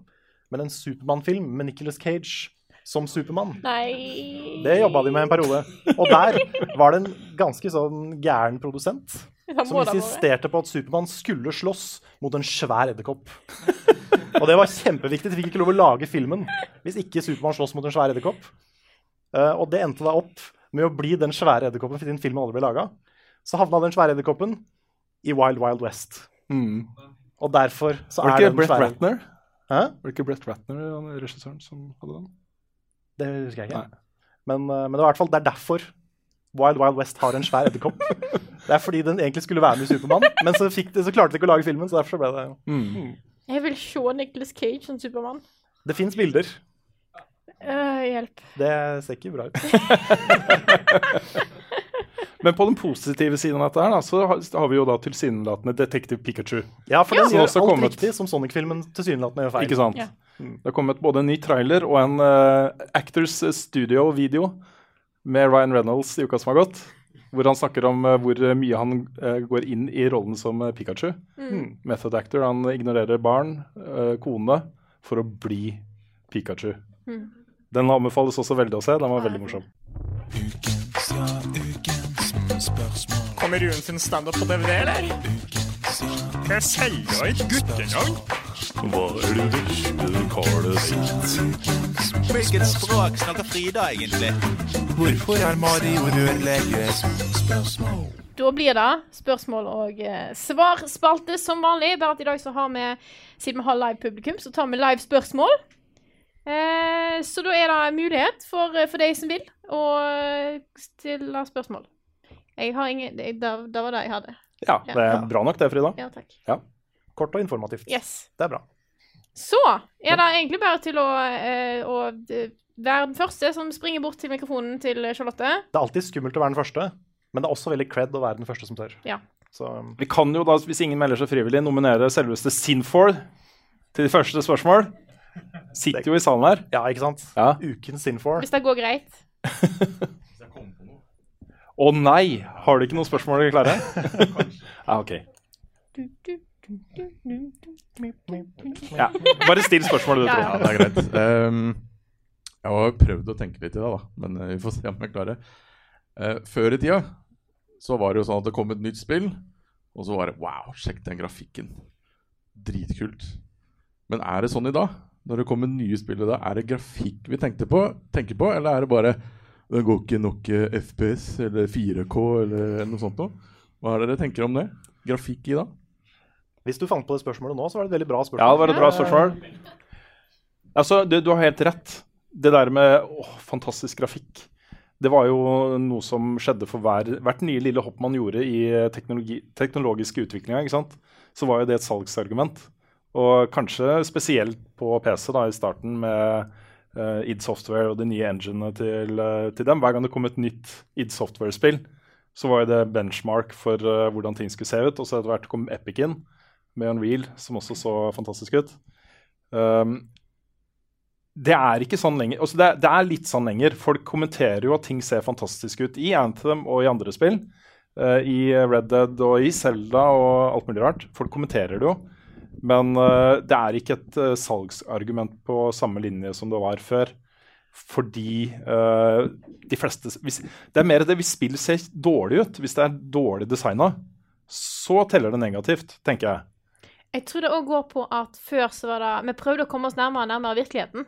For det var jo alltid da at du prøvde å komme deg nærmere virkeligheten, og se, det skulle se realistisk ut og sånne ting. Så du går fra liksom trekantpuppe til litt mer sånn avrunda puppe og litt sånne ting. sant? Men nå har vi nådd det punktet der datakraft begynner å flate litt ut, da. Så du kan ikke nødvendigvis Flatepupper. Yes! Yes, det var akkurat det jeg tenkte på. Takk, Karl.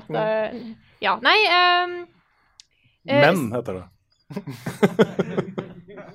Yes, sorry, nå må jeg bare prøve å finne ut hva jeg hadde tankegangen min. Jeg ble litt sånn der, satt ut der, eh, da skal vi se. Jo, Uh, nå er det på en måte Vi begynner å nærme oss måte hvor, hvor fint, eller hvor måte detaljert ting blir, da. Eh, fordi at det er ikke nødvendigvis det som har vært bedre og bedre de siste årene. Akkurat på en måte at ting blir mer og mer detaljert og sånne ting. Nå handler det mye mer om å, å ha en stil som kanskje skiller seg litt ut, da. Du kan gjøre det på en måte som gjør at det, du utnytter den datakraften vi har, til det beste.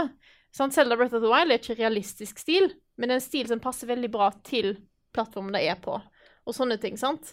Det jeg tror vi vil se mer av nå framover, som vi allerede begynner å se en del av, er at eh, animasjoner, ansiktsanimasjoner, begynner faktisk nå å kanskje bevege seg ut av uh, The Uncanny Valley. Så jeg tror det er akkurat der vi kanskje er på forbedringsnivå nå, er på, på, på ansiktsuttrykk, menneskelighet og der. Ikke nødvendigvis på, på måte, all grafikken rundt som er i verden. For det tror jeg vi begynner å nærme oss. på en måte.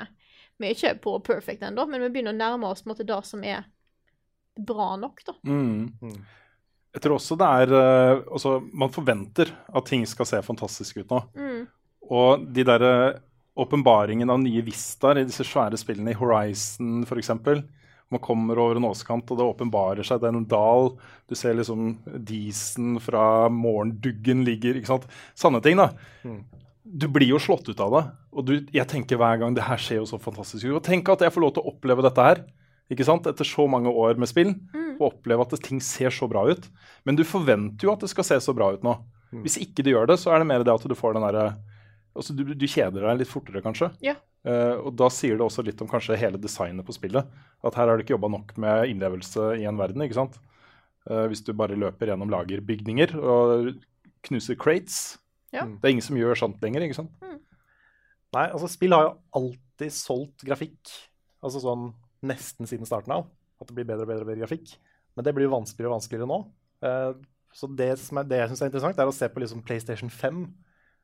Hva blir det store salgspunktet for PlayStation 5? Fordi jeg tror ikke du kommer til å se et PS5-spill og tenke 'shit, den grafikken'.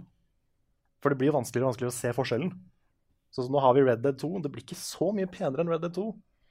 Jo da, det kan bli penere enn det. det. Ja, hvis du kan går det. tilbake en del år, så tenker vi at shit, nå er vi på topp, ass. Ja, vi har men- kommet et stykke derfra likevel. Ja, men da hadde du trekantpuppen igjen, ikke sant? Jo, men Nei, vi jeg har, inn jeg har brukt begrep som hyperrealistisk Uh, i anmeldelser av spill fra altså, slutten av 90-tallet og tidlig 2000-tallet, liksom. Ja, da vil jeg si det tok helt fuckings av, gjorde det ikke det? Jo, Ja. Men, men det er på en måte hodet vårt da, som er vant til én ting, ikke sant, som gamere. Ja, altså, absolutt. Men hvis du ser på det, det hoppet fra PlayStation 1 til PlayStation 2, Ja. det er jo mye større enn hoppet fra 2 til 3. Ja. Og i hvert fall 3 til 4. Ja da. Så det kommer jo bare til å bli mindre og mindre. Mm. Så jeg tror ikke PlayStation 5 eller eh, Xbox 2 kan selge seg på grafikk på samme måte. Det tror jeg ikke går. Jeg tror da, da, da vil nå et annet punkt når vi begynner å endre hele arkitekturen og hvordan datamaskinene er lagd. Hvis vi kommer oss over til kvantedatamaskiner, som er jo the next step som vi, vi ikke er helt er på ennå, da tror jeg vi kunne, kan få et ganske bra hopp. For da kan du plutselig begynne å ha individuelle grasstrå som går uten Altså sånn i like, mange, i like stor skala som det vi har nå, da, nesten, eh, i virkeligheten. Mm. I virkeligheten. Fordi at da klarer, har du datakraft som faktisk kan kjøre, da. Så bra, så bra grafikk at du får copyright claim fra virkeligheten. yes. Yes. Mm. Ja. Jeg tror vi tar et nytt eh, spørsmål. Gjerne introdusere Navnet er Alexander Åndvik. Hei, Alexander. Hallo. Jeg har et spørsmål. Det er eh, Hvis eh, Nintendo skulle lagd VR-spill, hva ville dere spilt? Personlig ville jeg spilt uh, Metroid. Metroid er, en bra, det, er, det er et bra eksempel, fordi det, er, eh, det har vært førsteperson. Ja, jeg tror det blir vanskelig å overgå akkurat det svaret der. Jeg har ikke lyst til å spille Mario i VR. det blir fort liksom Men jeg, jeg tror det kunne vært innmari morsomt med et uh, WarioWare-spill i VR. Oi. WarioWare VR! Hei, der har vi det allerede. sant? Wario VR. WarioWare. Nei, fordi eh, Hvis du ser en sånn Keep Talking Nobody Explodes, en del av de gode VR-spillene, de er jo litt wacky. Mm. Uh, og Ja. de kunne gjort ganske mye gøy med VR i et sånn type spillkonsept.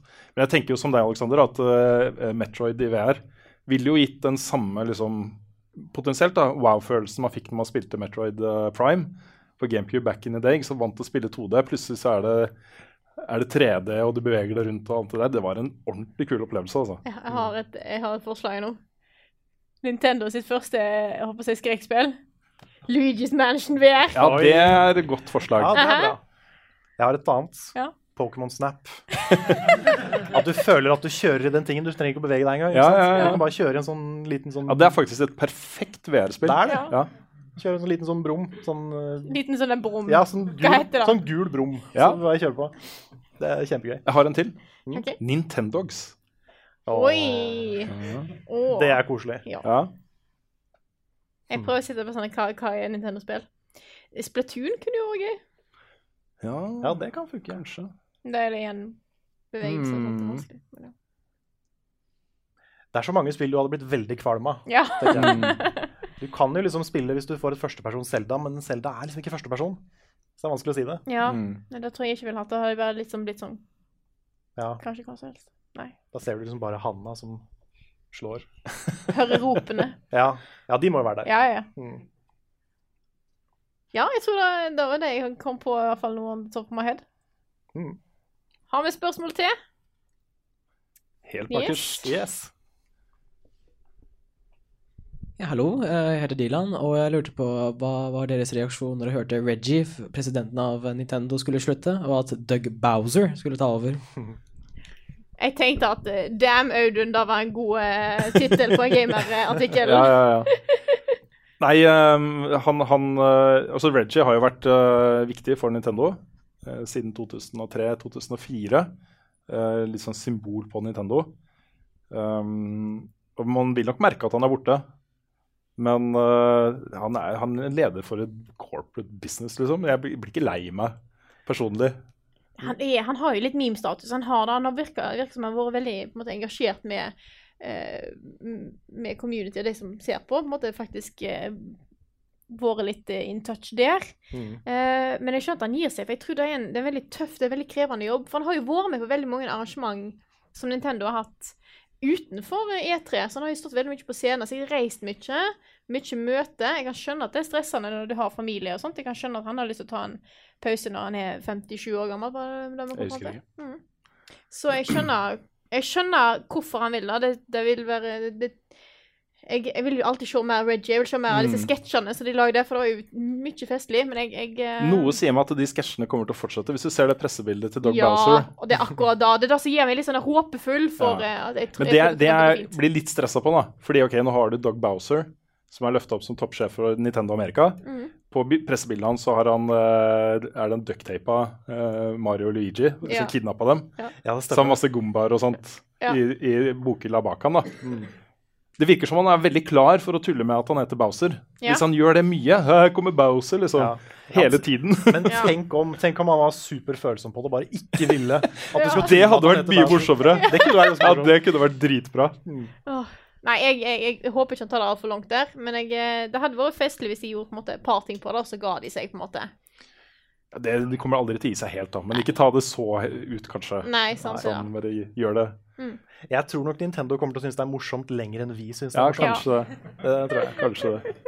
Men uh, med Reggie Nei, jeg ble, ikke, jeg ble ikke lei meg heller, men det var litt trist å høre det for det. Det er jo en poke som er over. Ja, og det er sånn Det er jo sjeldent å se altså en sånn corporate sjef som så mange har et så nært forhold til. Så der har du gjort noe riktig, Mm. syns jeg. da. Ja, ja. At Reggie er jo en figur man har blitt glad i. I hvert fall veldig mange Nintendo-fans ser jo på han som en litt sånn figur de, de liker og kanskje kan relatere seg litt til. ikke sant? Farsfigur. En litt farsfigur. Men det blir jo litt interessant nå å se f.eks. for eksempel Nintendo Direct og sånn, for at det har jo det var jo en ting som du hadde i Sato Iwata og Reggie, som på en måte hadde tingen, og nå er jo begge de Mm. derfra. Så jeg mm. Det er litt sånn Ja. Det er litt trist, ja, men jeg følte at det, det, altså, ting ble aldri helt det samme etter at Iwata Nei, de gjorde ikke det. Nei. Det var Nintendo Direct er ikke det samme etter Iwata. Nei. Nei, men det tror jeg er riktig av dem. Jeg tror ikke Ja. de kunne fortsatt den, den samme tonen uten ham. Nei, det er Jeg tror tror sant. ikke det hadde gått. Nei, det er sant. Men nå er det liksom, nå ser alle sammen som er på kamera på Nintendo Direct, de ser alltid litt triste ut, Mm. syns jeg. Det er, sånn, det er aldri så mye energi. Det er litt sånn Ja, hei, vi jobber med dette her. Her er en trailer. Og så er traileren kul, men de er litt sånn Mm. Jeg, vet ikke, jeg savner litt den der eh, rare, morsomme, blide. Det kan være at Bowser kan få inn det, da. Kanskje. Siden han virker litt uh, gira på å tulle litt med dette her. Så kanskje. Mm. Kanskje. Jeg, jeg, jeg er håpefull mot, eh, for, for ny Bowser-æra. Absolutt. Ja. Og neste sjefen må da bli et eller annet Valuigi.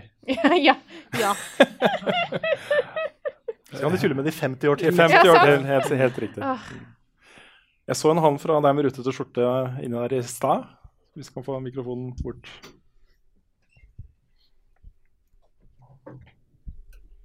Hei, jeg heter Ask. Det har jo alltid vært en diskusjon hvilket spill er best, Super Mario World eller Super Mario Bros 3.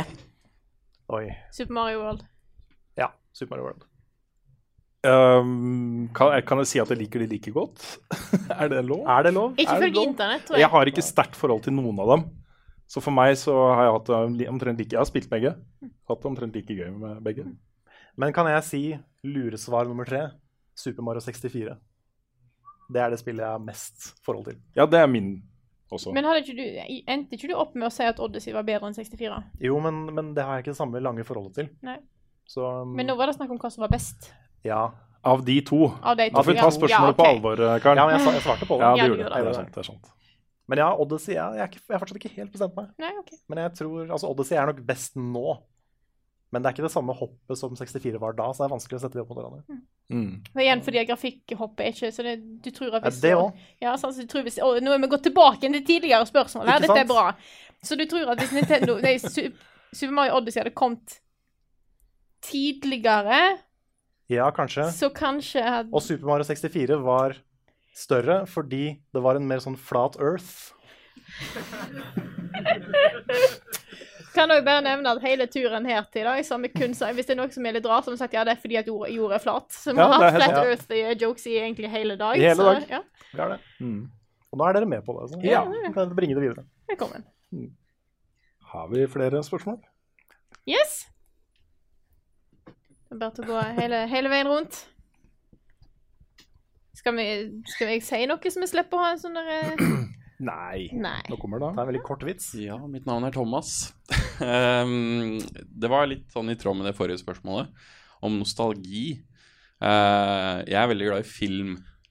Og det er jo ikke Det er jo veldig litt nytt fenomen, kanskje, at uh, nå bruker veldig mange nye filmer uh, nostalgi som en eh, effekt og eller et virkemiddel for å liksom få oss til å like filmen enda mer.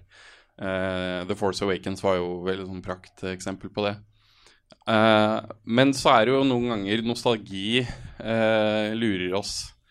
Og jeg lurer på, har dere, og har dere eksempel på spill som dere har spilt opp gjennom åra, som dere nå må måtte nesten innrømme til dere selv at det, er kun nostalgien som gjør at jeg egentlig har sagt at jeg Eller kan si at jeg liker det nå, eller som er, Det er egentlig ikke Det er ikke noe som har holdt seg over åra, på en måte.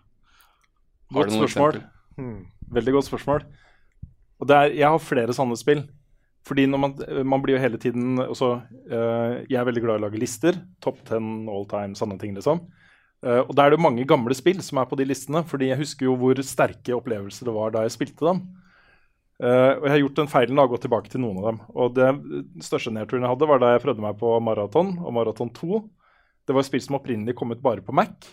Og egentlig mine første sånne virkelige inntog i sånne svære 3D uh, sci-fi-verdener, skittespill. Um, det, de har ikke holdt seg like godt. Og dette er Bungie, og det var bra da, men det er ikke like bra nå. Eh, det det fins jo, du kan gå på, på Live Arcade og kjøpe uh, Maraton 2. Uh, det er også tilgjengelig på PC. Um, men eh, i hodet mitt ikke sant, så var jo det på høyde med Alien-filmen og sånn. Altså, jeg skapte så mye selv da jeg spilte de. Og det samme gjelder også Space Quest. Det var, jo, det var jo ikke et flatt spill hvor jeg plukka opp ting og skrev liksom take og give. Men det, det, det skjedde, ikke sant? Jeg lagde den verden selv. Uh, og det, er, det var trist å gå tilbake og prøve meg på Space Quest 3 igjen. Nå er ganske ny tid. For det var, det, var jo, det var jo ikke det jeg huska det var i det hele tatt. ikke sant? Så Jeg har aldri hatt så sterke sånne, tror jeg. Men jeg har um, Det er fortsatt en liten del av meg som tror at Golden Eye fortsatt er bra. og der, Jeg har ikke turt å gå tilbake og spille det, men jeg, er, jeg er litt redd for at jeg kommer til å få en opplevelse der. Ja, Golden Eye og Perfect Dark Ja. de er ganske tunge å gå tilbake til nå. Jeg har skjønt det. Ja. Men også sånn som Heavy Rain. Det var jo kjempebra da det kom. Men, men det har jo begynt å vise noen svakheter med åra. Jeg har en del eh, Mange av de er 3D-plattformer. Tidlig tidlig æra av 3D-plattformer. Kameraet der er et interessant opplegg. opplegg. Det er, jeg, jeg, kom, jeg går jo tilbake til Sonic Adventure 2 Battle ofte. Hver gang det kommer en ny versjon. så Litt bedre grafikk, tenkte jeg. Nå tar jeg og spiller igjen fordi at jeg kan bruke 50 timer på å få en chow til maks level. Som jeg gjør Mm. Flere ganger. I'm not judging. Nei. Eh, men gud, kameragreiene der er det verste greiene. Og homing-systemet fungerer jo ikke. Det gjør ikke det. Nei, det gjør ikke det. Nei.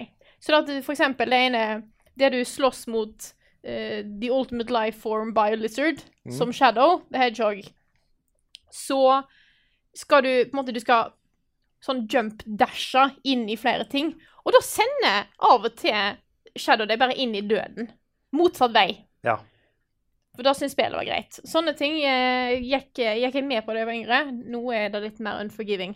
Eh, Og litt eh, andre litt mer sånn eh, Andre spill så jeg er ikke så store, da, men eh, jeg gikk nylig tilbake til eh, Harvest Moon eh, på GameCube. Eh, I sammenheng med at jeg spilte eh, Sa du vel, eller sånne ting. Ville gå tilbake til det, for det syns jeg var veldig bra da jeg spilte det. Det er det tregeste spillet jeg har brukt, prøvd mitt liv. Mm. Det er, det er på en måte Alt går tregt. Det er cutscenes går tregt. Loading går tregt. Eh, du er nødt til å Det fins ingen sånn vatningssystem på å av alt. Mange ting på en gang. Da var vi i originalen, på SNES. Da fikk de ikke til på GameCube. Vi var sånn Der skal jeg vatne en plante. Da var den vatna. La meg gå til neste. Og så er det Jeg holdt på å bli sprø. Så da, da var jeg tydeligvis gikk med på før. Det er en ganske sånn interessant sjanger, fordi det er jo på en måte det samme du gjør, Ja. men det handler bare om å gjøre de samme tinga mer effektivt, Ja. sånn du kan gjøre de enda mer. Ja. Det sånn, ja. jeg, jeg vet ikke helt hvorfor det er gøy, men det er gøy. Nei, det, det, er- det er litt interessant. Det er, det er faktisk gøy, for dette undersøkte jeg litt eh, det, det, det, Jeg har et halvferdig skrevet klassikerinnslag på dette. her, Det er derfor jeg har faktisk gjort Det er fordi jorda Ja. Nei, det er fordi at han som eh, faktisk sto bak eh, Harvest Moon-serien, han hadde lyst til å lage et spill som eh, har en god blanding av at det gir deg det, du, du får noe tilbake igjen. Eh, Du får sånne små rewards hele tida. Mm. For det, det tar ikke så lang tid før du får en reward. Det er derfor spillet kan være, ha et treg type gameplay. For ting går ganske på en måte, Det er veldig rolig, det er ikke noe sånn actionfylt. Men du får alltid plutselig en liten sånn Hei, der fikk jeg noen tomater. Mm. Å, så gøy. Så det er sånne ting da, som faktisk holder driven i det. Så når gameplay er for sakte, og det ikke skjer noen ting, og rewards er litt sånn middelmådige, så blir det kjedelig. Mm. Så det er den balansen der da, som er veldig viktig, som jeg tror eksempel spill som du Valley fikser veldig bra. Uh, mens Harvest Moon på GameCube ikke fikk det til i det hele tatt. Hm. Kanskje på den tida, kanskje en hadde, kanskje hadde bedre tid.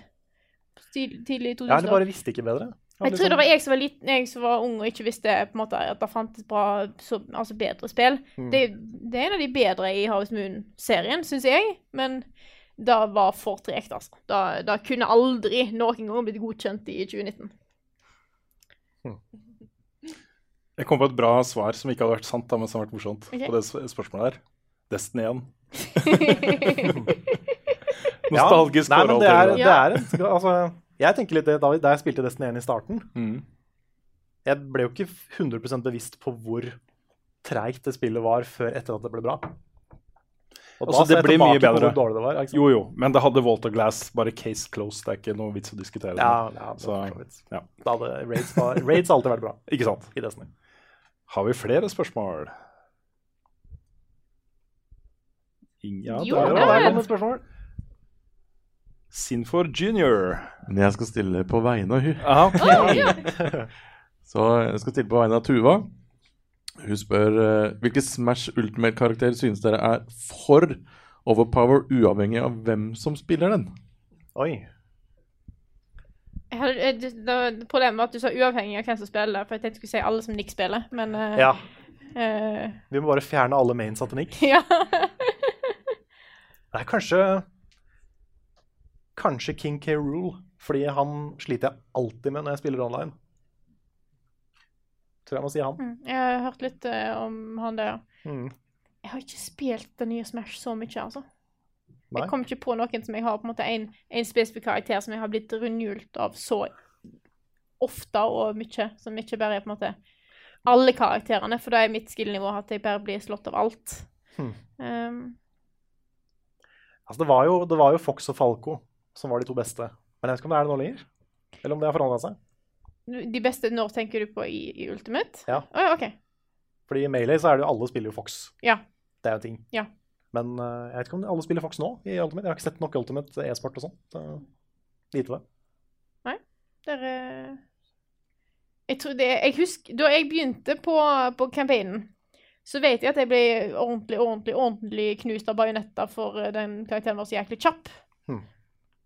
Men eh, det spørs jo bare hvordan du spiller. Jeg føler at jeg blir bare stønnlock av alt, jeg. Så eh, Ja, For jeg tror Bayonetta var ekstremt OP på Wii U. ja, da vet jeg at hun, hun var.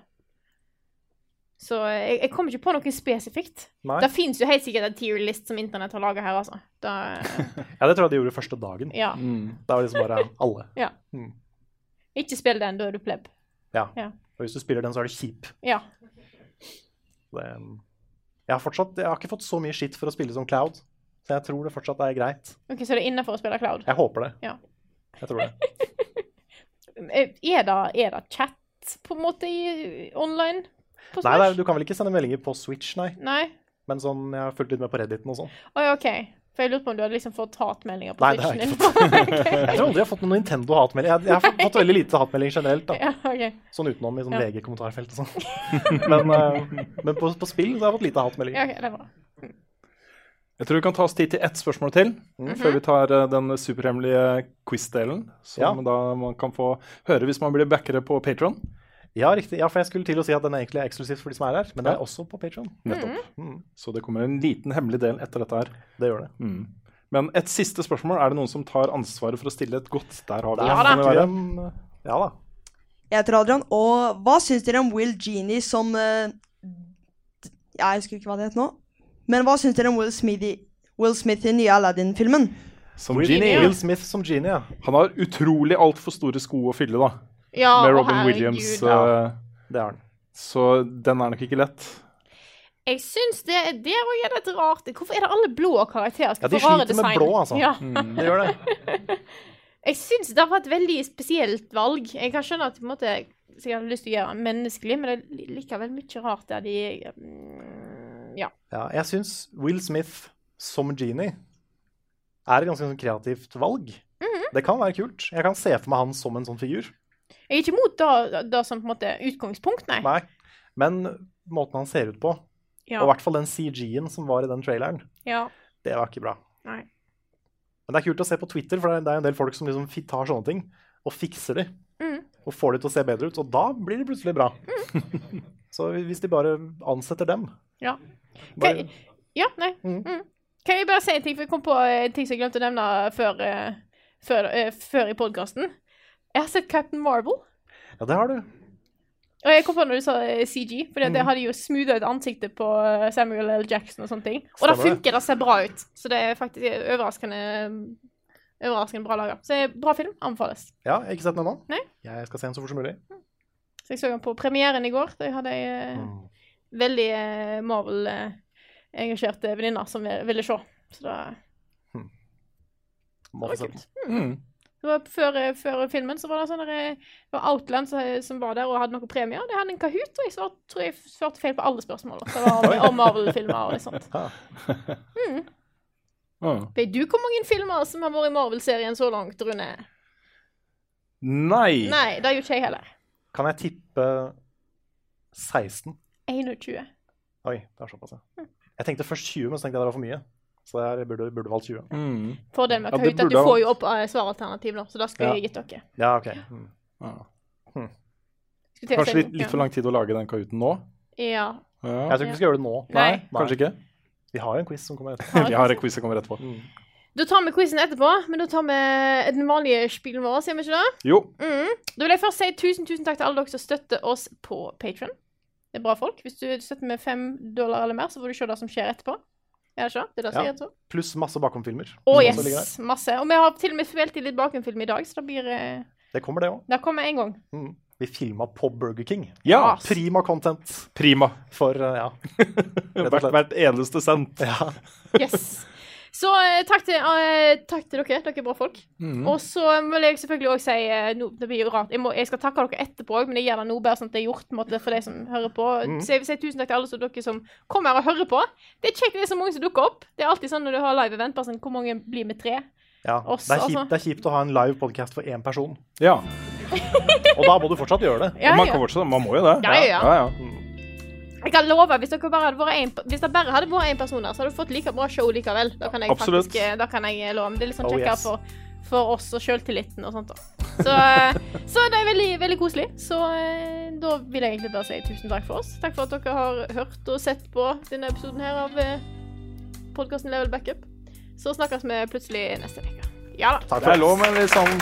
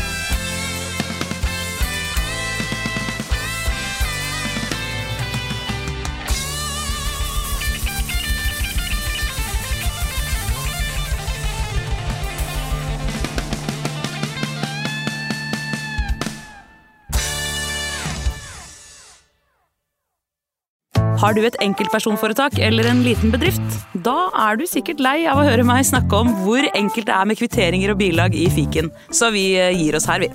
Fordi vi liker enkelt. Fiken superenkelt regnskap.